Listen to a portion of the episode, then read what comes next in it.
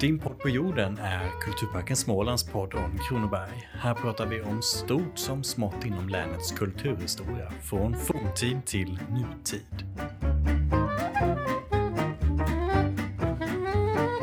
Ja, välkomna till det här avsnittet av din podd på jorden eh, som idag ska handla om en studie om emigrantbrev, nostalgi och hemlängtan. Jag heter Alexandra Stjernspets Nylén och arbetar på Kulturparken Småland och med mig idag har jag Pauline Alkenäs från Linnéuniversitetet.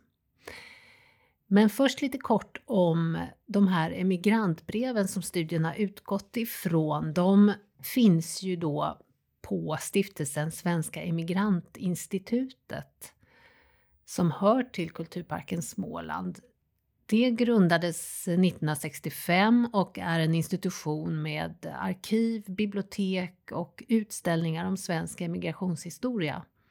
Och det är faktiskt det största institutet i Norden om emigrationen till Nordamerika. Den svenska emigrationen. Och eh, Emigrantinstitutet ligger då i Utvandrarnas hus i Växjö där vi befinner oss och är också en del av Kulturparken Småland. Här driver vi sedan drygt ett år också ett projekt som vi kallar för migrationsberättelser i dåtid och nutid.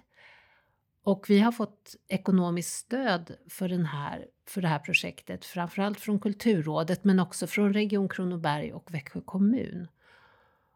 Och det här handlar om att bredda verksamheten i Utvandrarnas hus från att handla bara om den svenska emigrationen till att också beröra frågor om migration i lite bredare aspekt. Och i det här projektet så vill vi testa nya metoder för att arbeta med frågor om migration.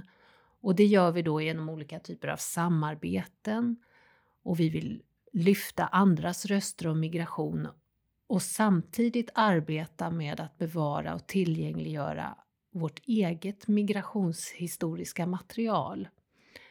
Och det är ju när det gäller det här, det egna migrationshistoriska materialet som vi kan återknyta till dig Pauline, eh, vår gäst idag. För att tillsammans med din kollega Lina Akram så har ju du arbetat med en studie av en del av de här emigrantbreven. Mm. Välkommen! Tack snälla! Vill du berätta lite mer om er studie? Ja, det gör jag gärna. Um, man kan väl säga att uh, syftet med vår studie kommer ju ifrån just uh, det här första steget i det här lite längre projektet. Och då att uh, se om det finns några mönster av nostalgi och hemlängtan i de här emigrantbreven. Eh, och ja, dels att se om det finns några och sen då förstås vad är det för mönster, hur ser de ut? Eh, och så har vi gjort detta då från ett genusperspektiv så vi är intresserade av eh, om det finns några, några skiljaktigheter eller några likheter mellan eh, hur män och kvinnor uttrycker sig då. Så då har vi tittat på just språkliga uttryck av nostalgi och hemlängtan i de här breven. Mm. Och på Svenska Emigrantinstitutet så består ju samlingen av ungefär 30 000 brev. Mm. Och till och från människor då som har emigrerat till USA. Och eh, av dessa har ni då valt ut ett antal och ja, berätta lite mer om hur, mm. ert urval där. Eh, ja, då fick vi ju börja med att fundera ut vad, vad är rimligt att hinna läsa på vår, inom vår tidsram. Liksom. Och eh, då landade det på att vi, vi har som mål att hitta eller att använda oss och läsa då 100 brev. Um, och då vill vi gärna dela upp det så hälften hälften mellan män och kvinnor då som har skrivit breven. Och uh, hur väljer man då vilka de här 100 breven är? Uh, det var en jättebra fråga. Då började vi med att begränsa eh, dels tiden då de var skrivna och skick, uh, skickade så då blev det mellan 1880 och 1920. Och sen så började vi också med att titta på brev som skickades specifikt från Minnesota för då visste vi ju att där finns det väldigt många eh, emigranter.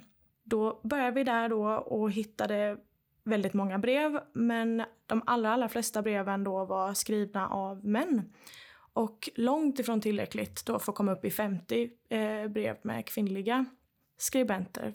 Så vi fick, vi fick titta förbi Minnesota för att hitta fler kvinnliga eh, brev skrivna, skrivna av kvinnor. Då. Okej, så ni fick gå utanför det vi området? Vi fick gå utanför det. Mm. Mm. Och då eh, blev det från alla möjliga olika platser helt enkelt. Men vi, för enkelhetens skull och för att spara tid så behöll vi det urvalet eh, då så i princip alla männens brev är, kommer från Minnesota. Men ungefär 100 brev och ungefär hälften hälften Ungefär hälften hälften, ja. ja. Det var en hel del som antingen var eh, Även om de var skickade från Minnesota så kanske de var skrivna av eh, ett barn till en immigrant till exempel eh, som då aldrig hade bott i Sverige eller vad det kan vara. Det fick vi ju då eh, skala bort. Och så fanns det också brev som var skrivna på engelska, de tog vi också bort. Eh, ja, det fanns lite allt möjligt som fick mm. gå bort så det landade på, om jag minns rätt, någonting på 90 brev eh, varav 40, jag har det här uppskrivet någonstans, vänta ett tag. Där, det landade på eh, 90 brev varav 41 som var skrivna av kvinnor och 49 som var skrivna av män. Och temat som vi var lite intresserade av då, förutom att titta på män och kvinnors olika sätt att uttrycka sig så var det det här med nostalgi då. Mm. Och det är ju ett, tycker jag, ett jätteintressant begrepp. Verkligen. Och ni har ju beskrivit lite grann om bakgrunden till det här begreppet och så, dess historia. Och att det är så fascinerande för ni, jag läser ju i er studie här att det blev känt från, alltså det är känt från 1600-talet. Mm. Och då mer som ett fenomen av en, en viss grupp personer, det var schweiziska handelsmän tror jag, ja, precis. Sånt, som saknade sina hem, mm. alltså som verkligen en, en längtan efter en specifik plats. Mm. Men berätta, sen har liksom det här begreppets innebörd glidit lite vidare också. Ja, det har det gjort och idag ses det ju inte som en, eh, en psykologisk sjukdom liksom som det gjorde då. Eh, utan idag är det många som tänker på det mer som en känsla.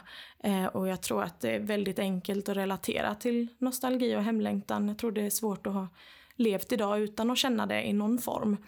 Men just det här platsspecifika, det har ju liksom blivit mer att man kanske längtar till en, en svunnen tid mm, eller sådär. Precis. Eh.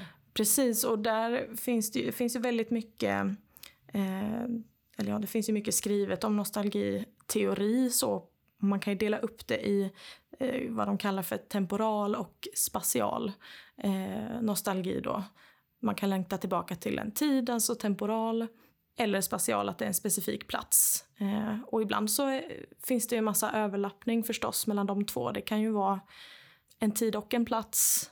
Eh, jag tycker ofta att eh, om det är en särskild tid man längtar till till exempel, eller längtar tillbaka till, så kan det vara nästan svårare för att det kommer man ju aldrig tillbaka till. Det kan vara tuffare att känna en längtan till en specifik tid i sitt liv för att den får man ju inte tillbaka men en plats kan man i många fall åka till. Mm. Ofta är det ju någonting, alltså ett någon slags sammanhang kan mm. man tänka sig som man längtar tillbaks till där man känner sig hemma och det har ju med mm. allt möjligt att göra både i det fysiska rummet men kanske också doft platser och mm, personer, ja allt möjligt. Ja, man vet ju själv, det kan ju, känslan kan ju triggas av precis vad som helst som man kanske inte visste eh, att det skulle få en att tänka på något specifikt barndomsminne eller eh, vad det kan vara. Och särskilt om man då flyttar till ett annat land, det kan ju bli jättestarkt förstås. Mm. Eh, men idag så behöver det ju inte vara jag tror att man kan känna nostalgi oavsett om man har flyttat om man har lämnat sitt land eller inte. Det kan oh, ju verkligen vara knutet till något så mycket mindre än ett helt land. och det märkte vi i de här breven också att eh, ibland refererade de till Sveriges, Sverige i sin helhet. Men ibland kunde det vara en specifik buske i trädgården eller ett särskilt rum i huset eller vänner och familj generellt. Eh, Så att, man kan ju säga att ni utgår ju, ni utgår ifrån att alla människor känner nostalgi. Det är ingen skillnad mellan män och kvinnor Nej. i det här fallet. Nej. Men möjligen då var det var det ni ville testa på något sätt lite Ja. grann och se om uttrycken för den här känslan ser olika ut. Precis, och vi utgick ju också från, eller vi förutsatte att ehm, det finns, eh, det, att nostalgi är knutet till stereotypen att kvinnor är mer känslosamma än män till exempel. Eh, och det har ju blivit eh, alltså motbevisat i olika typer av forskning eh, under ganska lång tid. Eh, men det kan fortfarande vara stigmatiserat så att vi misstänkte då att män kanske inte känner att de vågar uttrycka nostalgi. Så det var väl en liten hypotes eller utgångspunkt som vi hade att eh, tänk om vi kan antingen motbevisa den hypotesen då och att det faktiskt är så att män uttrycker nostalgi i breven. Och i så fall är det någon skillnad på hur kvinnorna gör det och så vidare. Så det var jätteintressant att se var vi hamnade där. Och, men hur ser, den här ti- hur ser den tidigare forskning om migrantbrev ut? För det, har väl, det är väl andra som har tittat på Det är det ju. Ehm, det finns en hel del eh, forskning i migrantbrev och nostalgi i, i samband med, alltså om man inte tittar på specifikt svenska emigranter och så. Eh, och det finns eh, ju mycket forskning om eh, svenska emigranter som inte riktigt har med nostalgi att göra. Eh, så vi upptäckte ju att eh, just det här med att titta på genusskillnader, nostalgi med just svenska emigranter. Där, där är det tomt, där behöver man fylla på lite. Eh, så därför fanns det ju mycket och inte mycket tidigare forskning att utgå ifrån utan vi, allting som vi ser här har vi ju bara, ja, det är vad vi ser i de här breven vi har läst. Mm. Vi kan ju inte säga något, något mer utanför de här breven som vi har läst utan det är, det är de vi kan säga någonting om, liksom om vi har hittat några skillnader eller inte. Och hur har ni då gått tillväga när ni har gjort er studie? Mm, ja, men vi, eh, ja, som jag sa i början där så syftet var ju dels att göra någon slags överblick om det fanns några mönster av nostalgi.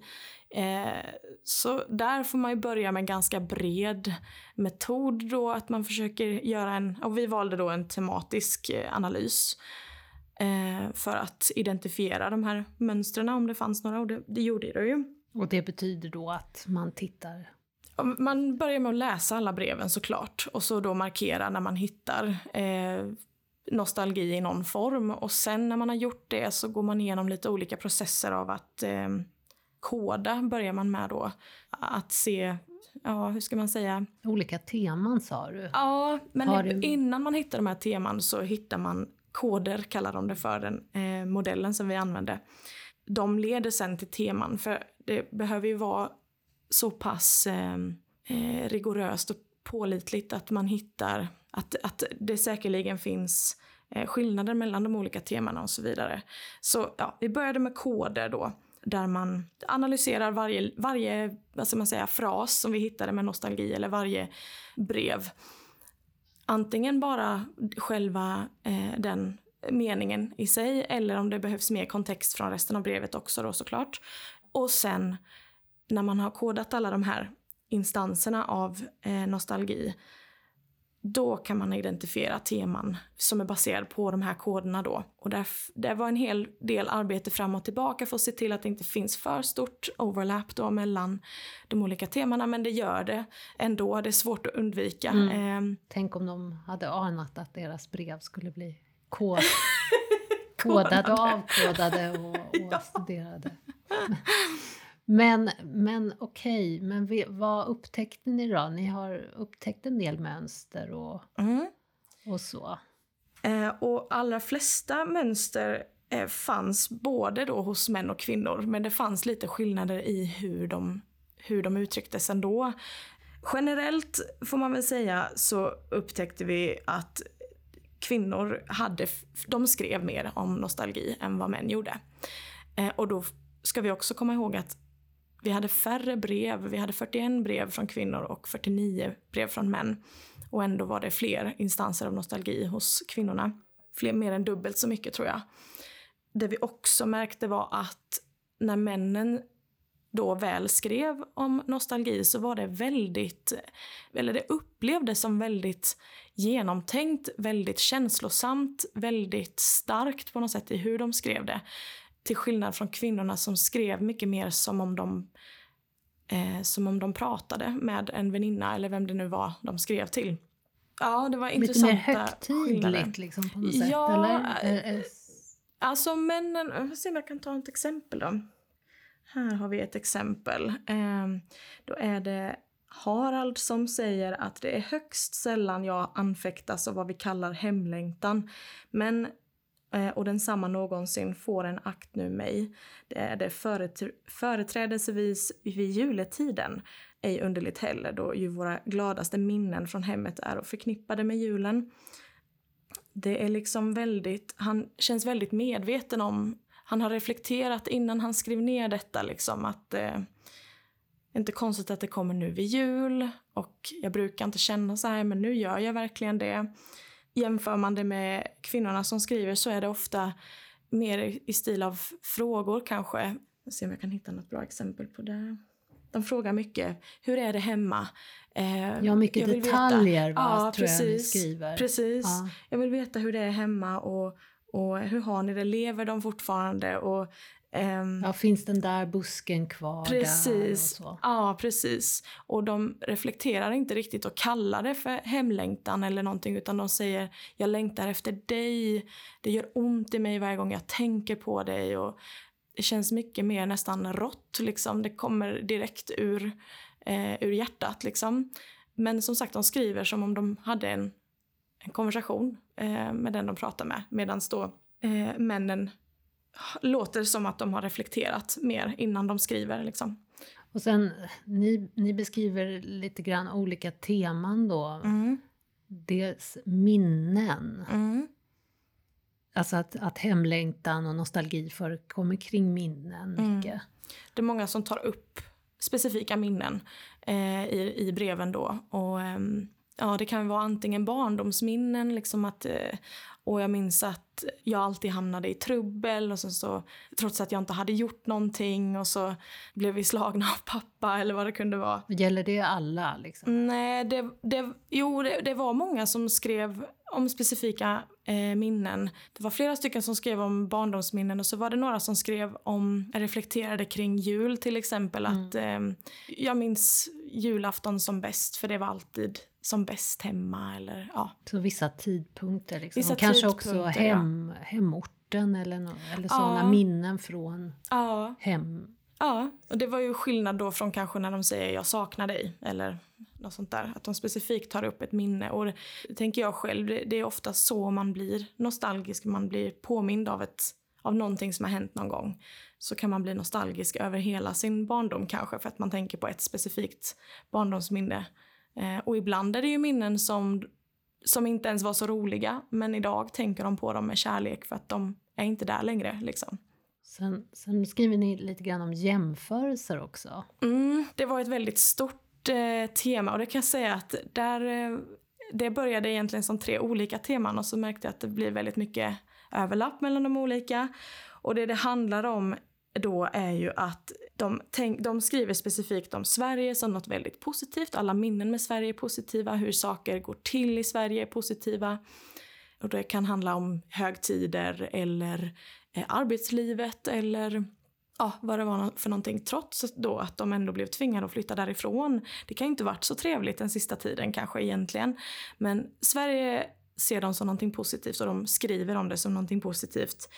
I jämförelse då med Amerika som de klagar på helt enkelt. De klagar på antingen, eh, det är en som skriver fler, i flera brev om ett religiöst sammanhang då om hur kyrkan eh, Eh, är och hur folk som går i kyrkan är och hur kristendom ses och, och, och utövas i Amerika i jämförelse med hur det var förr då. Att hon saknar deras, deras möten som de hade i Sverige. Och, ja. Eh, och här är de alldeles, eh, vad var det hon skrev, lösa och lediga och ja, trivdes inte alls med det kristna livet i Amerika liksom. Det är ju lite, lite märkt. Alltså, man tänker ju att de många lämnar ju i hopp om att det ska bli någonting bättre. Mm. Och Mm. det, så frågan är vad, och det kanske det har blivit rent materiellt eller sådär, men det är ändå någonting som, Det är ändå någonting som... som som är bättre i det gamla mm. landet. Och där är ju frågan om det verkligen är det egentligen eller bara om det är saknaden av det man är van vid. Liksom. Man kanske är missnöjd med att ha behövt flytta och då ser man bara det negativa i sitt nya liv. Eh, så skulle det kunna vara. Men det var bara ett exempel. Det är fler exempel där de pratar om jag hoppas att vi får åka hem snart för att eh, vi tjänar så dåligt med pengar så att det blir liksom, det, det kanske inte var den där de kanske inte fick det där drömlivet som blev annonserat för dem innan de åkte till Amerika. Så det är mycket negativa associationer med USA och de uttrycker det genom att jämföra de positiva i Sverige och de negativa i USA. Sen fanns det några intressanta också där, och det var framförallt relaterat till julen, där de hade haft väldigt trevliga erfarenheter kring just julen, men det var bara på grund av att det var likt hur julen firas i Sverige. Eller för att jag hade ju min kompis här eller jag hade min syster här. Och därför var det bra. Ehm, så att de börjar liksom med ingången om att eh, ja, nu har jag firat jul här. Och det var faktiskt bra eftersom det var som hemma. Ja, nu har inte ni tittat på det specifikt, men minns du någonting om, om det finns uttryck för liksom tacksamhet till det nya? Eh, Men det är som du säger, nu har vi inte tittat Nej. precis efter det. Men eh, jo, till viss del. Eh, särskilt om de kunde... Det är vissa som reflekterar kring jag undrar om vi kommer ses igen. Och kanske kommer fram till att jag tror inte vi kommer ses igen. Och då kunde de prata om att jag, jag beklagar att jag fick flytta. Men eftersom jag har det bättre här så kommer jag inte komma tillbaka Mm. eller vad det kan vara. Ja. Så ehm, mm, jag skulle säga att det förekom.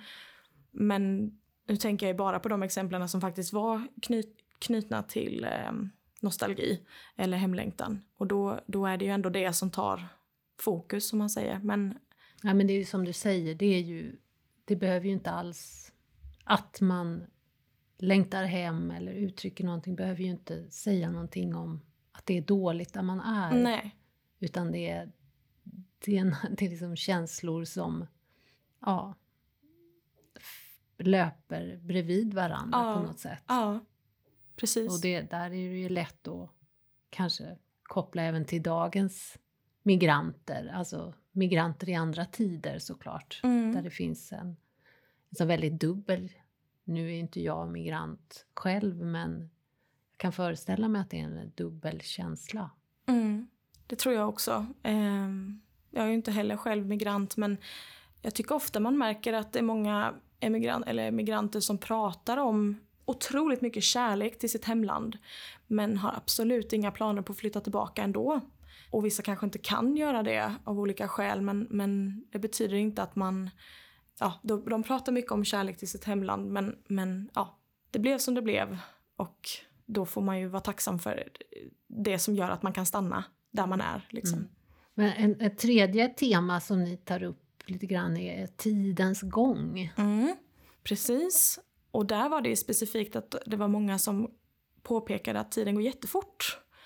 Eh, och då kunde det ju vara så att vi läste brev, något enstaka brev i en lite längre brevväxling kanske. Eh, eller kanske två brev i en lite längre brevväxling.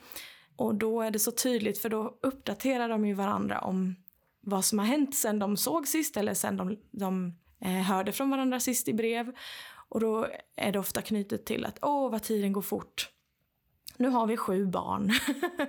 eller ehm, ja, bara konstigt. Och det är nästan lite abrupt hur de skriver i brevet liksom att har de haft en lång utläggning om något särskilt ämne och så plötsligt åh vad tiden går fort. Det, den flyger förbi. Och så pratar de om något, något nytt som har hänt då. Men det är inte någon av de breven vi har läst som har pratat om att tiden går långsamt. Nej. Utan tiden går fort. Men ni kopplar ändå det till någon slags nostalgikänsla. Ja, ehm, och det vi tänker då är, är ju att konstatera att tiden går fort. Då tänker man ofta på vad är det som har hänt egentligen sen vi flyttade. Eller till jag, till, sen jag flyttade. ja, det behöver inte handla om just hemlängtan. Det, man kan ju, man, de går hand i hand, nostalgi och hemlängtan, men de behöver ju inte, att vara nostalgisk behöver inte nödvändigtvis, tänker jag, eh, vara synonymt med just att längta hem. Och nu har vi ju skrivit den här eh, rapporten på engelska och det har varit en väldigt egentligen intressant eh, diskussion fram och tillbaka. För hemlängtan på engelska är ju homesickness. Det låter som någonting väldigt smärtsamt i mina öron. Något, ja, att man är sjuk. Man är sjuk av längtan hem. Men, men på svenska tycker jag att det, kan, det, kan, det behöver inte vara så tungt. Det skulle kunna vara något... Ja, det är lite mer bitterljuvt. Ja, sådär. precis. precis. Så det är väl lite i de tankarna också som man, ja, där är det lättare att kunna skilja på nostalgi. När, när nostalgin är något, liksom, något glädjefullt så tänker jag inte att det är homesickness. Liksom. Nej, det ligger något förlamande liksom i det. Ja, precis. Eh, och det är en intressant tanke i sig att fundera på just begreppet nostalgi. För nost nostalgi är ju grekiska för eh, nostos är längtan hem om jag minns rätt. Eller förlåt, eh, nej, att, att komma hem. The return home står nostos för då och alja betyder längtan. Så att en längtan efter att återvända hem kan man väl översätta det till egentligen. Och på så sätt så, eh, för de översätter det, i engelsk diskurs så översätter man algia till longing inte sickness. ja, så det, det, var lite lång utläggning om det, men det spelar roll faktiskt eh, när man gör en sån här analys. För att, att bara konstatera att tiden går fort, det är ju inte någon slags tung det låter inte tungt överhuvudtaget. Men i sammanhanget så kan det verkligen, ja, när man läser resten av brevet, så förstår man att ja, här är någon som reflekterar över ja. och tänker tillbaka på, på en gammal tid. Och att kanske att jag trodde inte det skulle vara eller det, det, blev inte så farligt kanske, som, som jag trodde det skulle vara. Så om man ska knyta ihop det här då så både män och kvinnor uttrycker hemlängtan, nostalgi, kvinnorna ja. lite mer, mm. eller ganska mycket mer. Mm. Och sen fanns det då två teman där de skilde sig åt. Eh, och det ena kallar vi för eh, reflektion och där är det då bara männen som som tillhör den kategorin och några stycken brev. Och det är verkligen de här reflektionerna kring känslan i sig. Nu tog jag upp han som pratade om eh, att det är, inte, det är inte ofta jag känner hemlängtan. Det finns ett annat som jag vill ta upp också. Och det är Jag kan ej glömma. Allt står ännu så livligt i mitt minne som om det endast vore så många dagar istället för år sedan jag lämnade vår kära fädernes. Jag kan ej glömma. Det det påminner liksom om att jag vill glömma. Det, det, finns, det finns något djupare än bara jag längtar hem just nu. Det är liksom jag, jag vill glömma men jag kan inte och det gör ont. Skriver inte kvinnor så menar du? Nej, Kvinnorna i de här bara, breven? Just, eh, just de vi läste var det ingen som hade någon sån reflektion bakom utan återigen, de skriver gärna liksom hur, hur är det i Sverige? Jag saknar dig, det gör ont. Mer den typen av eh, konstateranden av hur jag känner just nu. Så lite mer omskrivningar mm, sådär? Mm. Ja, återigen, den här reflektionen kommer mm. ifrån just att det, när man läser hur männen skriver så upplever man att det finns ett djup bakom Eh, de får med det i hur de formulerar sig. Och det finns kanske ett sånt djup eh, i hur, eh, hos kvinnorna också, men de uttrycker inte det. Så skulle jag förklara det. Och det andra som skiljer? Och det andra då, ja, det var, då är det bara kvinnorna som, har, som finns i den här kategorin och det är realistisk tror jag vi kallade den för. Och eh, där, det nämnde jag lite innan också, att det är många som skriver, de funderar på, jag undrar om vi kommer ses igen. Och Många av dem kommer också fram till att vi gör nog inte det.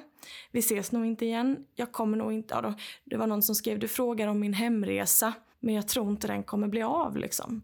Ja, de reflekterar kring att jag tror att nästa gång vi ses igen så blir det i himlen. Eller ja, där, där kan man väl säga att de faktiskt reflekterar. Men eh, då, där slogs jag i alla fall starkare av att de är faktiskt realistiska. De, de väljer att uttrycka det istället för att ge någon slags falsk förhoppning om att jo då, vi kommer hem när vi kan eller vad det kan vara. Men där har de verkligen konstaterat att eh, jag tror inte vi kommer hem. Eller jag tror inte jag kommer hem. Jag tror inte vi kommer ses igen.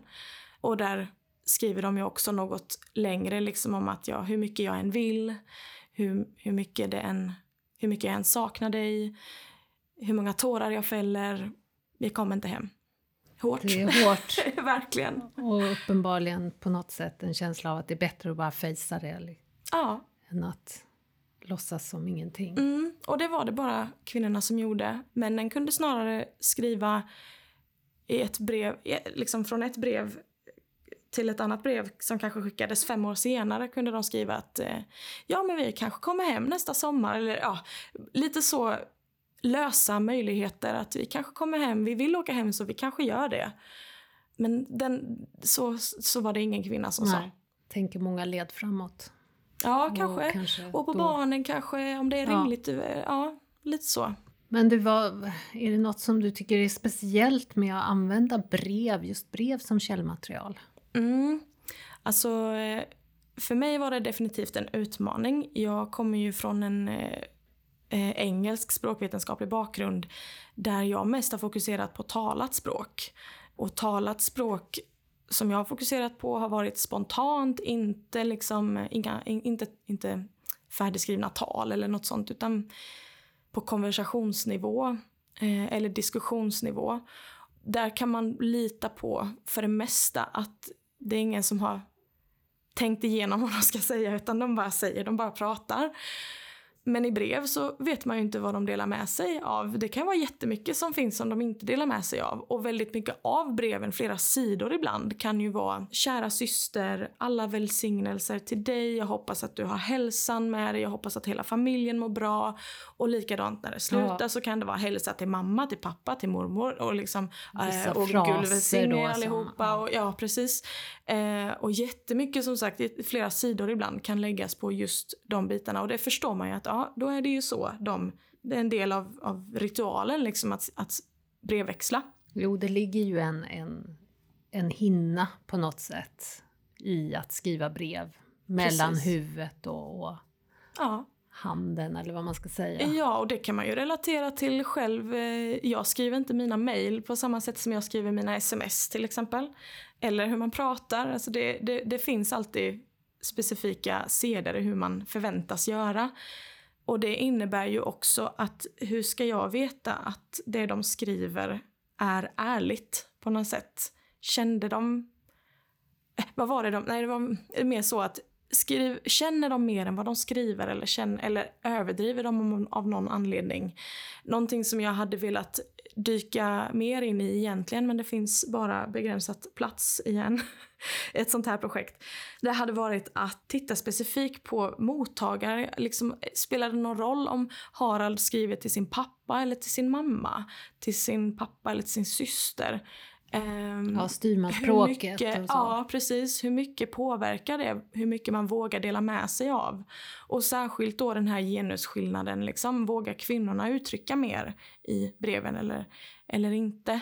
Men det är just det här, i och med att det inte finns forskning på genusskillnader i nostalgi sen tidigare så har vi inga referenspunkter. Nej. Utan eh, då är det lite svårare att få plats med allting som en helt ny studie. Liksom. Man pratar ju också annorlunda med olika personer kan man ju tänka sig. Ja, men men det är kanske ännu ytterligare än att, att i det skrivna så blir det som en ytterligare en, ja, en liten tröskel sådär att Mm. komma nära de, de ursprungliga känslorna. Verkligen. Men kan vi inte som avslutning, vill du ta, läsa några fler, något mer citat från, Ja. från någon? Ja, jag har ju en favorit. Ehm, och det är en kvinna som har skrivit, vi nämnde det innan också. Ehm, men det är så otroligt känslosamt. Och det, nu kommer jag inte ihåg vad hon heter, men det är en kvinna som frågar sin eh, bror, tror jag. Står jasminsbusken och oxen på gården ännu? Lever fläderbuskarna och den långa syrinhäcken ännu? Har du ett fint blomsterkvarter vid förmaksfönstret och ett vid lilla byggningsfönstret och ett vid sängkammars och salsfönstren? Låt mig veta det. Det gör ont i mig att tänka på detta och aldrig mer få se det.